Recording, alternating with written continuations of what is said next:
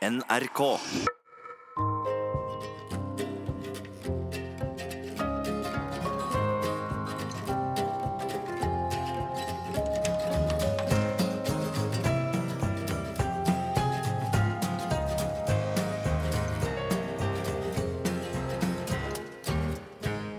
Jeg er Kari Helene Skog, ei engasjert kulturberte bosatt i Tromsø. Jeg sitter i Kirkerådet i Den norske kirke, er mamma til Samuel og kona til Vasil. Den neste timen skal jeg fortelle deg om da jeg bestemte meg for at ingenting er privat, og at alt er politikk. Du skal bli med til en varm sommerdag i Tromsø, der gudstrua mi ble knust, men ikke drept. Og du skal høre om hvordan den store kjærligheten omkalfatra hele livet mitt. Det her er mitt sommer i P2. Prestegården på Skjervøy i Nord-Troms, der jeg vokste opp, hadde ikke mindre enn tre stuer.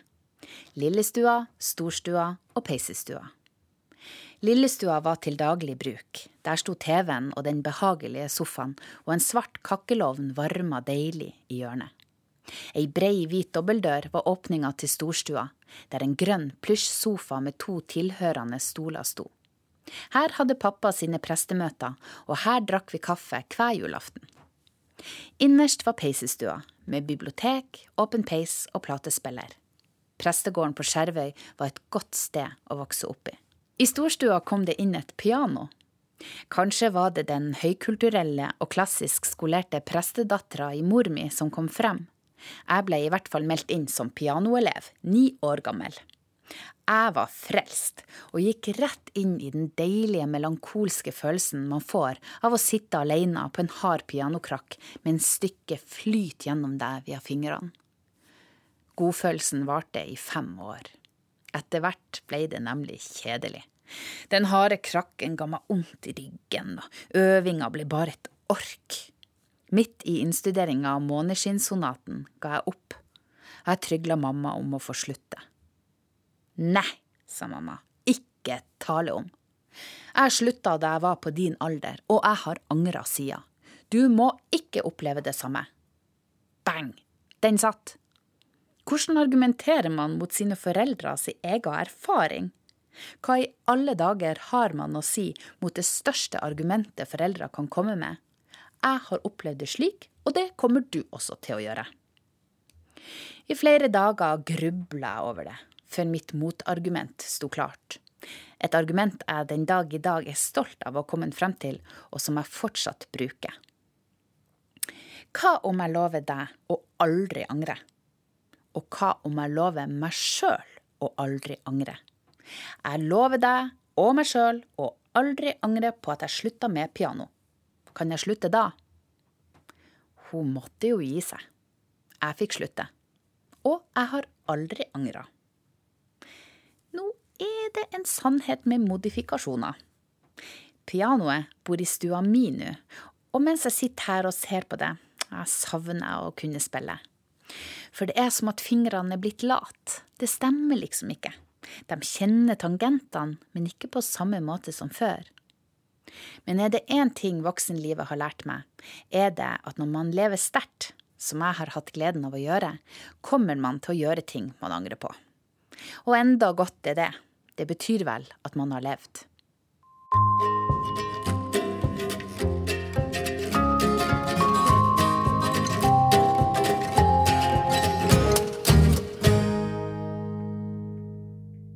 Jeg innså tidlig at skulle jeg leve et godt og meningsfylt liv, måtte jeg innse to ting. Ingenting er privat, alt er politikk. Det er blitt et mantra jeg lever etter, og som gir meg fokus. Som prestedatter på ei lita øy var familien min i stor grad offentlig. Da mamma og pappa i tillegg skiltes på 80-tallet, og pappa gifta seg på nytt, ble virkelig familien min offentlig eie. Sogneprest driver hor var helsides oppslag i Dagbladet, mens Nordlys, NRK og andre medier fråtsa i den læstadianske fordømmelsen av gjengifte til sognepresten. Jeg var tolv år og ganske forvirra. En dag på skoleveien i lag med ei venninne letta jeg mitt hjerte om hvor vanskelig det hele var, og med alt mediestyret og menighet og skilsmissen, gjengifte og alt sammen. Sjokket var stort da pappa kom hjem noen dager etter og gjenga våre samtaler. Ei tante hadde snakka med venninna mi, og deretter skjelt ut pappa for hvor forferdelig han hadde stelt til livet til dattera si. Husk, Kari, sa pappa, du må passe deg for hva du sier og til hvem du sier det til. Det kan brukes mot deg. Det kan brukes mot familien din. Jeg ble knust, og ganske skamfull. Og ganske forbanna. Etter hvert bestemte jeg meg for at da fikk det være slik. Snakker jeg offentlig om det private, kan de ikke ta meg. Jeg skammer meg da ikke, verken for pappa eller mitt eget levde liv. Hvorfor skal jeg da ikke kunne fortelle? Sjølsagt ble det enda mer juicy for pressa da jeg levde lesbisk. Tenk, prestedatter og lesbisk fra kristenkonservative læstadianeland. Jeg lærte fort at å snakke offentlig og dele historiene gjorde en forskjell. Det hjalp meg å fordrive skammen i meg sjøl. Jeg fikk vise stolthet over meg og min familie, og det hjalp andre. Telefoner og brev fra fremmede mennesker viste at åpenhet om eget liv og erfaring gir andre mot og styrke. Det var først seinere at jeg innså at alt er politikk, og det ble bekrefta gang på gang. Som på 90-tallet, jeg leide kjæresten min i Storgata og hørte jævla lesbe før vi ble spytta på av en idiotfyr. Jeg husker det så godt, raseriet inni meg, sjokket, så raseriet igjen. Mangelen på ord, på gjengjeldelse, av mektighet. Litt den samme følelsen som da jeg fikk beskjed om at jeg ikke kunne bære samekofte. Det er spesielt å oppleve at livet ditt er et politisk statement. At å gifte seg i kirka med ho du elsker, eller å bære samekofte er politiske handlinger. Sjøl om det egentlig burde være det mest avslappa og naturlige ting i hele verden å elske og å kle seg. Så jeg gjorde det til mitt og laga et mantra av det. Ingenting er privat, alt er politikk. Det styrker meg, gir meg trua på at jeg kan forandre verden. I hvert fall litt. Da jeg var 20, opplevde jeg ei krise så stor, uutholdelig og vond at jeg må trekke pusten, nå snart 20 år etter. Det er sommer. Sola skinner vidunderlig, og fuglene kvitrer i trærne. Tromsø murrer sommerdovent, mens byfolk pakker inn og ut av feriekoffertene sine. Jeg har en bag jeg pakker ut av. Det vil si, pleierne på Åsgård psykiatriske sykehus pakker ut av den for meg, de sjekker den for skarpe gjenstander. Jeg stirrer ut gjennom vinduet, for hvor ellers skal jeg se? Jeg flytter til ei anna avdeling, og jeg er så sliten og trøtt, lei, sint og fortvilt at alt jeg klarer å gjøre, er å se ut på sommeren jeg går glipp av. Så sier de samme pleierne at i dag skal pappa komme på besøk. Og pappa kommer, men med et grusomt budskap. Min mamma er drept i ei trafikkulykke. Mamma er død. Den sommerdagen forlot Gud meg. Da jeg vokste opp, lærte jeg om faderhanda som beskytta meg. Hver kveld folda jeg hendene og så for meg hvordan den la seg som en beskyttelse fysisk over hele kroppen min, der i senga i prestegården. Den beskyttelsen var så god, trygg, sann og ekte. Jeg visste den var der. Jeg trodde den for alltid skulle være der. Jeg tok feil. Tre år etter var jeg frisk etter knallhardt arbeid og med hjelp av engler som så og trodde på meg. Kirka og gudstrua klarte jeg ikke å forholde meg til. Hvordan kunne jeg det? Gud hadde forlatt meg. I min verste stund tok Gud mamma fra meg. Det finnes ikke tilgivelse for slikt. Samtidig lengta jeg sånn etter den handa som skulle beskytte. Jeg drømte om følelsen av ivaretagelse fra noe annet enn min egen styrke, at den skulle komme tilbake. Så jeg fleipa og kalte meg av og på-kristen. Ett år av, ett år på for jeg forsøkte. Men hver gang jeg kom inn i et gudshus, ble jeg kvalm. Tårene pressa på, jeg ville bare grine. De kjente salmene som hver fiber i kroppen min kunne utenat, vokste seg til en uhåndterbar klump i halsen. Jeg som før elska å synge i kirka, nå fikk jeg det bare ikke til. Hver gang det skjedde, tenkte jeg på mamma. På den gangen på 80-tallet i Skjervøy kirke. Jeg satt på fanget hennes, og mamma plutselig ikke sang. Jeg så opp på henne og kviskra, hvorfor synger du ikke, mamma? Tårene i øynene hennes gjorde meg redd, men jeg var jo trygg, for vi var i kirka, og mammas fang var varmt, og hun smilte, så gikk alt bra uansett. Nå skjønner jeg hvorfor mamma ikke sang. Noen gang kan vi ikke synge lovsangene, for tvila synger så mye sterkere i oss. Noen få år etterpå dro jeg på langfredagsgudstjeneste der prest Leif Bremer prekte. Om en gud som denne langfredagen var svak en gud som ikke engang kunne redde sin egen sønn fra tortur, smerte og død. Den preika ble et vendepunkt for mi tru. For kanskje var det slik at Gud gråt sammen med meg da mamma døde. Kanskje nettopp i den avmektige guden kan jeg forstå hvordan de onde opplevelsene i livet mitt kunne skje. En dag snakka jeg med pappa om det. Tvilen min og sorgen over faderhannas forsvinning, hvordan kan jeg noen gang forholde meg til kirkerommet, ordene, salmene? Om det var pappa Kjell eller presten Kjell som svarte, er kanskje ikke så viktig, men ordene hans ble mye trøst. Det er i den sterke tvila, sa han, at trua er størst. Det er i den sterke tvila at trua er størst. Jeg fant ro i det. Så jeg lar meg tvile. Jeg står foran alteret og spytter ut tvila mi, og tenker at Gud, svak eller mektig, uovervinnelig eller forlatt, min tvil tåler du. Så skal jeg også tåle den. Jeg er Kari Helene Skog, og det her er mitt sommer i P2. To streker til øya viser at han sover. To øyevippstreker på hver si side over to tjukke bollekinn. De bitte små hendene knuger en sjiraffkoseklut fra en av favorittfilleonklene sine. Jeg tenker på mamma. Tenk om hun kunne sett han sånn, hun hadde sprukket av stolthet. Men min mamma er død, og nå er jeg blitt mamma. Til lille, tjukke, deilige Samuel. Nå sover han med sjiraffkluten trygt mot nesa. Han småknirker, sånn deilig koseknirk. Min sønn. Det er ikke til å tru. Det var ikke akkurat gitt at jeg skulle bli mamma. For 30 år siden lå jeg lengtende i senga i prestegården på Skjervøy. Senga hadde jeg skuvd under vinduet, slik at jeg kunne ligge under stjernen og drømme meg bort. Og mens venninnene mine kanskje drømte om drømmebryllupet, drømmemann og drømmehjemmet, drømte jeg om en toseter. I det ene setet skulle jeg sitte, i det andre skulle bikkja mi, en svart og hvit cocker spaniel, du vet en sånn lady- og landstrykerhund, ligge.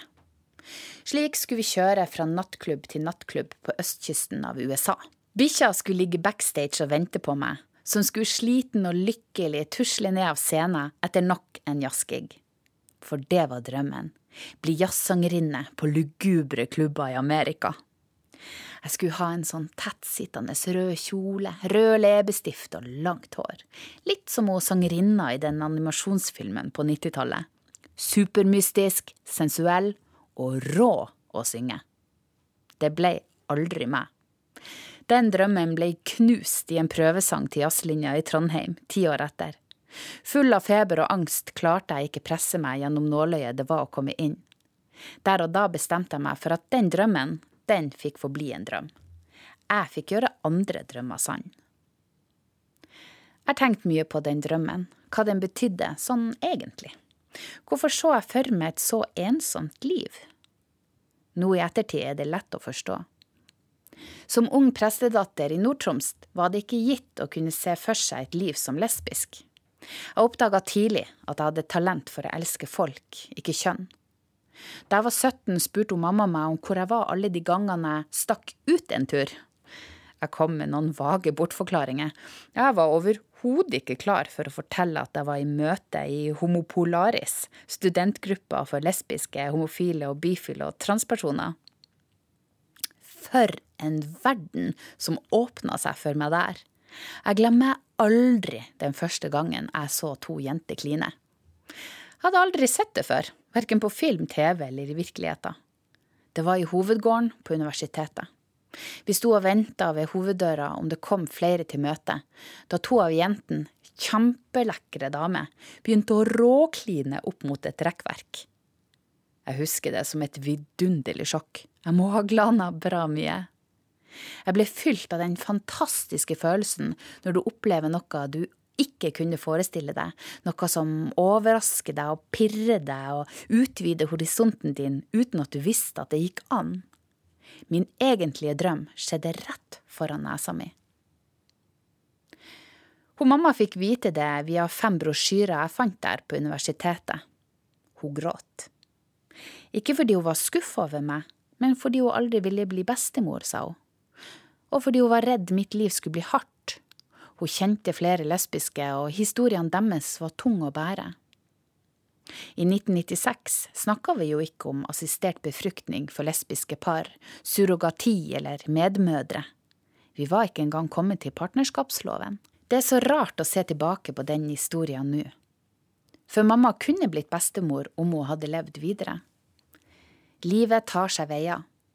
Jeg levde lesbisk i mange år, inntil en kjekk punkemakedoner dukka opp og snudde opp ned på livet mitt.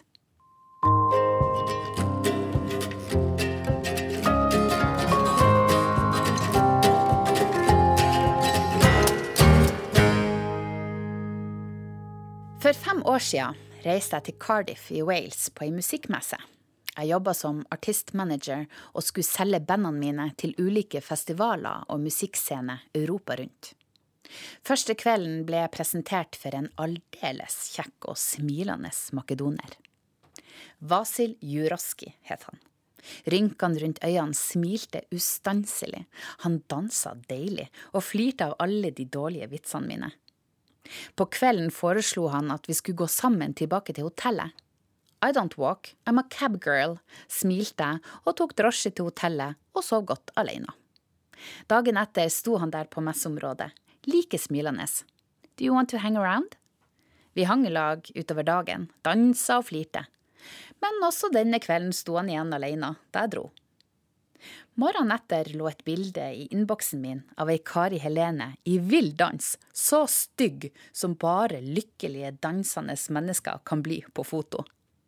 Beautiful, sto det under bildet. Jeg var aldeles ikke vakker. Jeg ringte rett til venninna mi som også var på festivalen. Er den kjekke makedoneren interessert i meg? Jeg kunne ikke tro at en så stilig og vakker mann kunne være interessert i denne kulturberta. Endelig, lo imidlertid venninna mi. Det tok deg bare tre døgn å forstå det alle vi andre har sett hele tida. Han vil jo ha det. Jeg var skeptisk. Samtidig ble jeg den lekne, trygge og glade jenta sammen med Vasil. Ingenting var problematisk, alt var så lett. Vel hjemme og tre uker etter kjøpte jeg billett til Makedonia. For en vidunderlig galskap å sitte på flyet til en mann jeg hadde skypa ja, 10 000 timer med, men bare møtt et par dager. Den flyturen husker jeg lite av. Men jeg husker passkontrollen, de ti meterne med kø, de nervøse håndflatene mine, speidinga om det gikk an å se ut til de som venta og han sto der og smilte. Hele ansiktet hans var et stort smil, og de tusen sommerfuglene i magen hadde forsøkt å kontrollere i mange timer, tok rennfart i alle blodårene mine og fløy, kilte, ropte og hoia i hele kroppen. Jeg var solgt.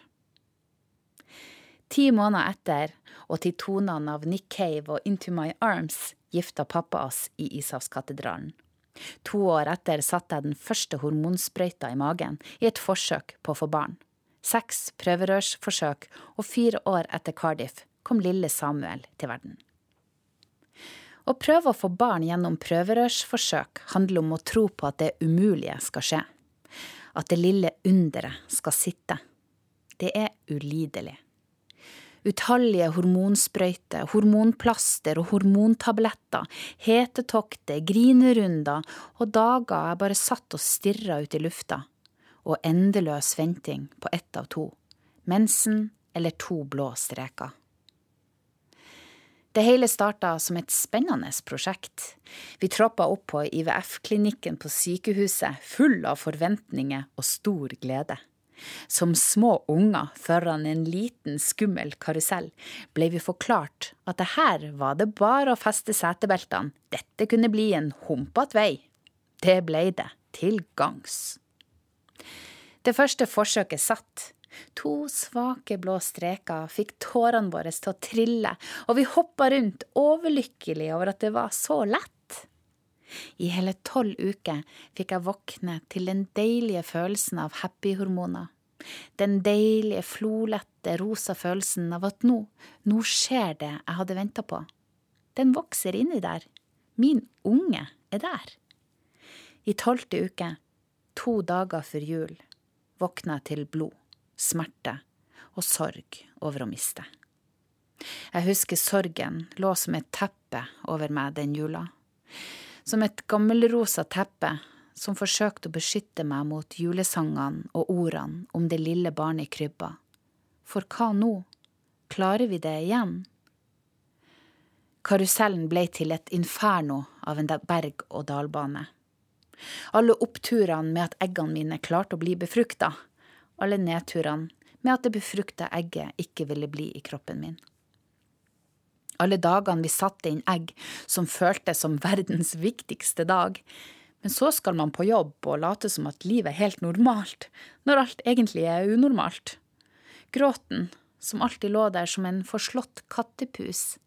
Angsten som rykka frem og tilbake i bakhodet som ei sulten løve. Tenk om vi aldri klarer det, tenk om, tenk om vi klarer det, og mister igjen. Og kroppen som plutselig ikke er min lenger. Fullstappa av hormoner fikk den meg til å grine og hylflire, helst samtidig, mens kiloene la seg rundt på kroppen av vann, trøstespising og hormonsult. Etter spontanaborten og fem mislykka forsøk var jeg kjørt. Kroppen min hadde begynt å gi klare signaler på at det snart kom til ei grense. Hodet likeså. Fra før av hadde jeg en kropp som var ukjørt utkjørt av andre årsaker, en av grunnene til at prøverør var eneste mulighet til at vi kunne få barn. En søndag dro jeg i kirka. Der gjorde jeg noe jeg sjelden gjør. Jeg folda hendene og ba. Kjære Gud, min skaper, gi meg et barn. Vær så snill, jeg klarer ikke det her mer. Gi meg et barn. Jeg følte meg skamfull. Hvorfor be om noe så skrekkelig egoistisk som et barn? Ikke tror jeg på bønnesvar heller, det er dypt urettferdig og galt at noen skal bli hørt mens andre ikke.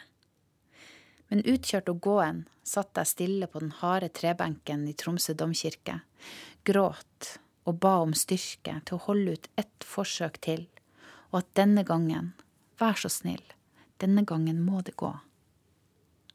Det var et under som skjedde. For på denne søndagen prekte presten over Abraham, som ikke kunne få barn. Som vendte seg mot sin skaper i frustrasjon og vrede, trygla og ba. Hvorfor? Og skaperen ba Abraham se opp mot stjernen og telle de, for så stor skal de slekt bli. Jeg var målløs. Snakk om tilfeldigheter. Under kan skje. Neste forsøk ble det to streker. Tre måneder etter kirkebesøket så jeg et lite hjerte hamre vilt inni magen min. Det var lille Samuel, hørt av Gud. For seks år siden fylte far min 70 år. Tromsøysund menighet, der han da var prest, ga han ei flott, svart sjøsamisk kofte i bursdagsgave, ei lyngenkofte. Jeg var der da den ble overrakt han. Pappa takka og tok fortumla imot den. Da han etter mye knoting sto der med den på, passe på halv tolv, og med tårer i øynene, sa han, nå skjønner jeg hvor vellykka fornorskinga er, det her kjennes ikke rett ut i det hele tatt. Det samiske folket kommer fra fire ulike land, Sverige, Finland, Russland og Norge. Ei myte sier det bor flest samer i Oslo, det er ikke sant. Samene bor over hele landet, og mange bor her jeg bor, i Tromsø. På 1800-tallet ble samene fornorska av staten og Den norske kirke. Overgrep og tvang fikk til slutt samene til å skamme seg over språk og kultur. Visste du at vi samer har flere språk ut ifra hvor det snakkes? I Norge har vi sørsamisk, nordsamisk og noen få snakker lulesamisk. De samiske språkene er utrydningstrua. Færre og færre snakker språket. Min families historie er vanlig her nord. Mine oldeforeldre snakka samisk og lærte seg norsk fordi de måtte. Etter hvert nekta de for at de var samer. På starten av 1900-tallet var det jo blitt stor skam. Fornorskinga var vellykka. Min bestemor lærte aldri samisk, sjøl om begge foreldrene snakka språket. I stedet ble hun en racer i vitser om lappfinnene, vitser som i bunn og grunn egentlig er trist, og kanskje beskyttende. Kanskje var det sånn at sa hun de vitsene, da var det ingen tvil, hun var norsk. Min pappa ble bevisst sin samiske arv tidlig. I starten var hun bestemor bare passe fornøyd med det. Heldigvis ble hun etter hvert stolt av sitt barn og barnebarns proklamering av sin samiske ett. I dag bærer pappa og vi søsknene sjøsamekofta så ofte vi bare kan.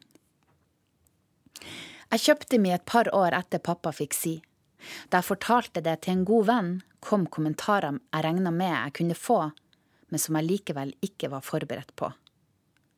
Hvorfor skal du ha samekofte? Ikke ser du samisk ut, og ikke snakker du samisk.